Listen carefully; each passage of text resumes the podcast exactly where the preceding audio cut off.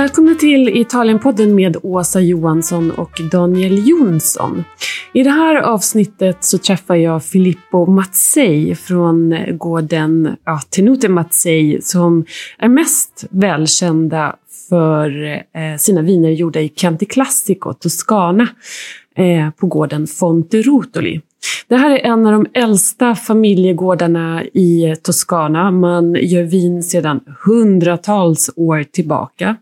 Men sedan ett par år så gör man även vin på Sicilien, nära staden Noto på den sydöstra delen av eh, Sicilien.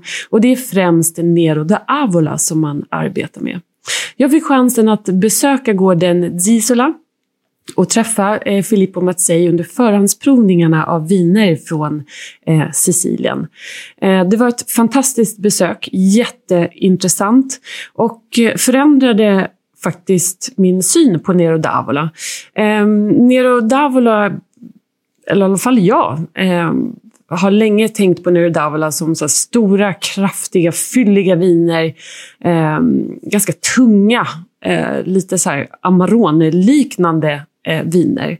Men så är inte fallet på Zisola.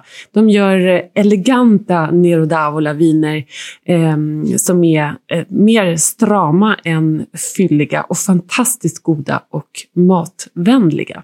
Så möt Filippo Mazzei och hör eh, hans berättelse om resan från Toscana till Sicilien och från Sangiovese till Nero d'Avola. Hoppas ni tycker om det. Vi hörs snart igen. Ciao, ciao!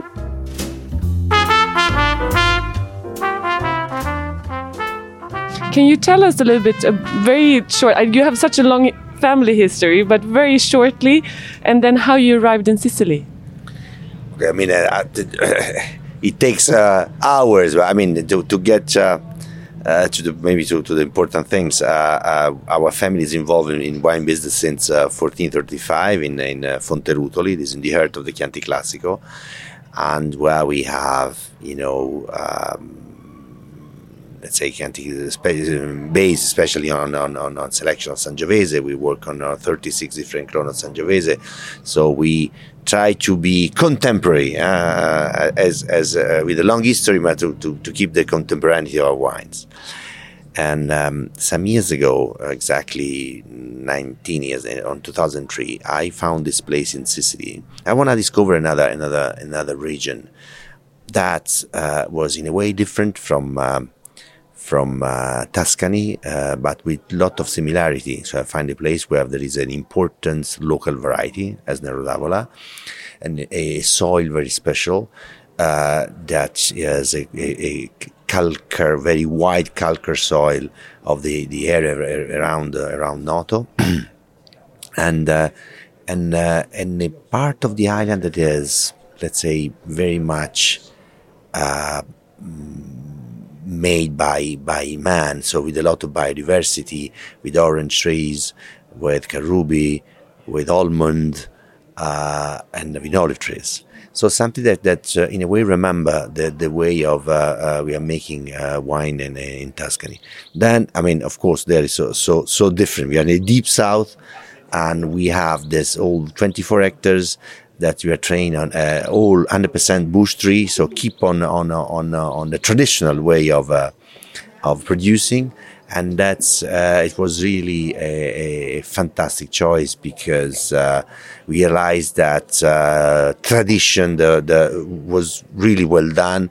It's very intense labor cost, but, but I mean the results are, are really really really very nice. We are making the red wine mainly. Uh, of course, uh, where Nero d'Avola is the, the most important, with Zisola is 100% Nero d'Avola, and our vineyard selection called Doppio Zeta. Uh, then we have a little production of uh, of Petit Verdot, 100%. It is very rare in Sicily, and and a Syrah that is uh, you know Syrah is considered any, any let's say um, any maybe a, a, a, local variety also if it's an international one.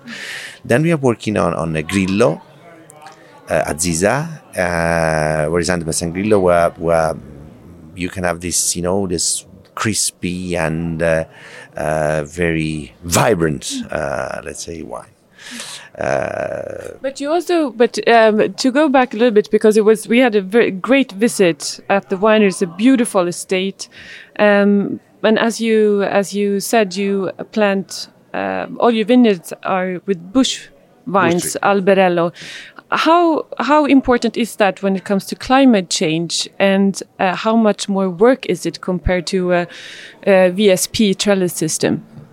climate change is, a, is, an enormous subject where uh, we are all talking about this, but no one has the, let's say, the solution how to manage. For sure, we are to try to, try to be um, sustainable, in the sense to do the minimum uh, damage uh, to to the to the land and to the and I think that the the, the alberello the bush tree system is the one of the better way to do it because it's uh, 100% uh, made by hand and it's very close to the soil. And uh, the soil there, it's white. So, I mean, more you're close to the soil, more you have the freshness. It's totally the opposite of what we have in Tuscany. We are close to the soil to, to take the, the, the temperature. Uh, when, when you are talking about uh, the early flowering or uh, close to the to the to the harvest. Uh, here in in Zisola, uh, you you have this this freshness coming from uh, uh, from the, from the ground, from the soil, and then all these leaves that uh, are covering the, the all the all the grapes to protect from the direct, say, uh, ray. Um, radiation, radiation yeah, direct yeah, sun. direct sun, mm. yeah.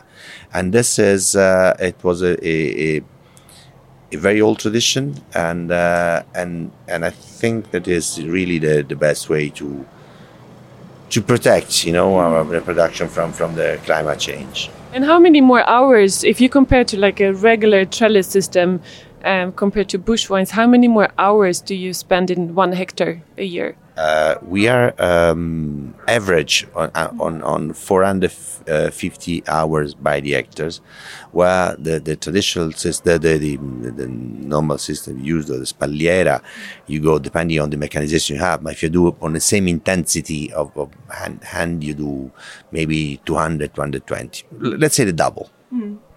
That's uh, it's quite impressive. It was beautiful, beautiful, beautiful, well kept vineyards. They look better than my garden at home. yeah, there, there is a kind of uh, a way of, of, of, garden. This is another point that makes a difference of, uh, for Sicily.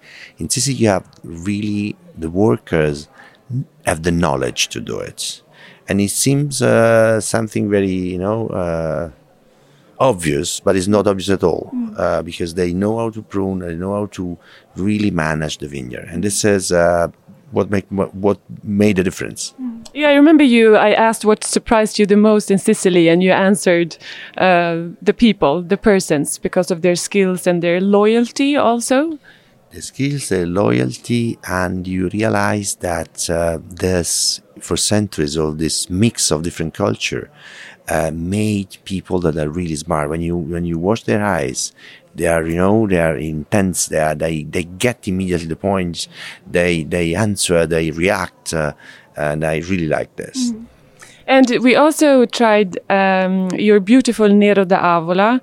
Um, and if you could explain your um, vision of Nero d'Avola, because in Sweden for a very long time we talked about this. Um, we had this very powerful fruit bombs, um, kind of um, uh, low quality uh, Nero d'Avola. Um, but you and other producers are trying to change that. Um, and your uh, um, Doppio Zeta that is coming to Sweden soon is uh, is just beautifully elegant with a wonderful acidity. So, can you explain your vision of Nero d'Avola? Uh, when I arrived there, close um, almost 20 years ago, I, I, went around and I tasted some Nero d'Avola that was exactly what you said, some wine that overripe, fat, intense. I mean, well, it was very difficult to, to drink more than a glass. Mm-hmm and this was very much uh, scaring me. That's the reason why I had, I found this place as is a bit bit higher on on the above sea level, where the soil is really the calcareous soil to get you know the the the minerality, and and I decide uh, I did also little experiments, you know, because I was not sure not sure. I mean, think about that we are coming from more than one thousand kilometers. Mm-hmm away. So of course we, we, we try. So I bought uh, before to buy the the, the, the, the place, the property. I bought uh, some grapes and I do some little uh, some little let's say uh, fermentation in woods. Was a very very very little one, and I realized that uh, uh, was possible to do something different. And that's one of the most reason why, most important reason why I decide to, to keep the, the, the, the bush tree. Because the bush tree, have, the bush tree, have the natural balance. Uh, the, you do very little in the vineyard. You don't interfere. And, and of course, then we, with the knowledge that everybody more or less has now, uh, we decide to do to to harvest when uh, you have the acidity, when you when you have you know the wine that has. Uh, uh, let's say the best to, to have you know fresh and and and fruity and, and pleasant to drink. We always, uh, we uh, in our philosophy, we always remember that the, no one obliges us to producing wine, and no one obliges us to drink wine. We drink just because we like, and this is something that uh, we always to remember. Thank you so much, and. Thank you for taking your time. We're here at the previews of Sicilian wines. It's very crowded in there in the tasting room. So thank you so much, Filippo, for, for joining Thank us. Thank you. Thank you. Grazie. Grazie.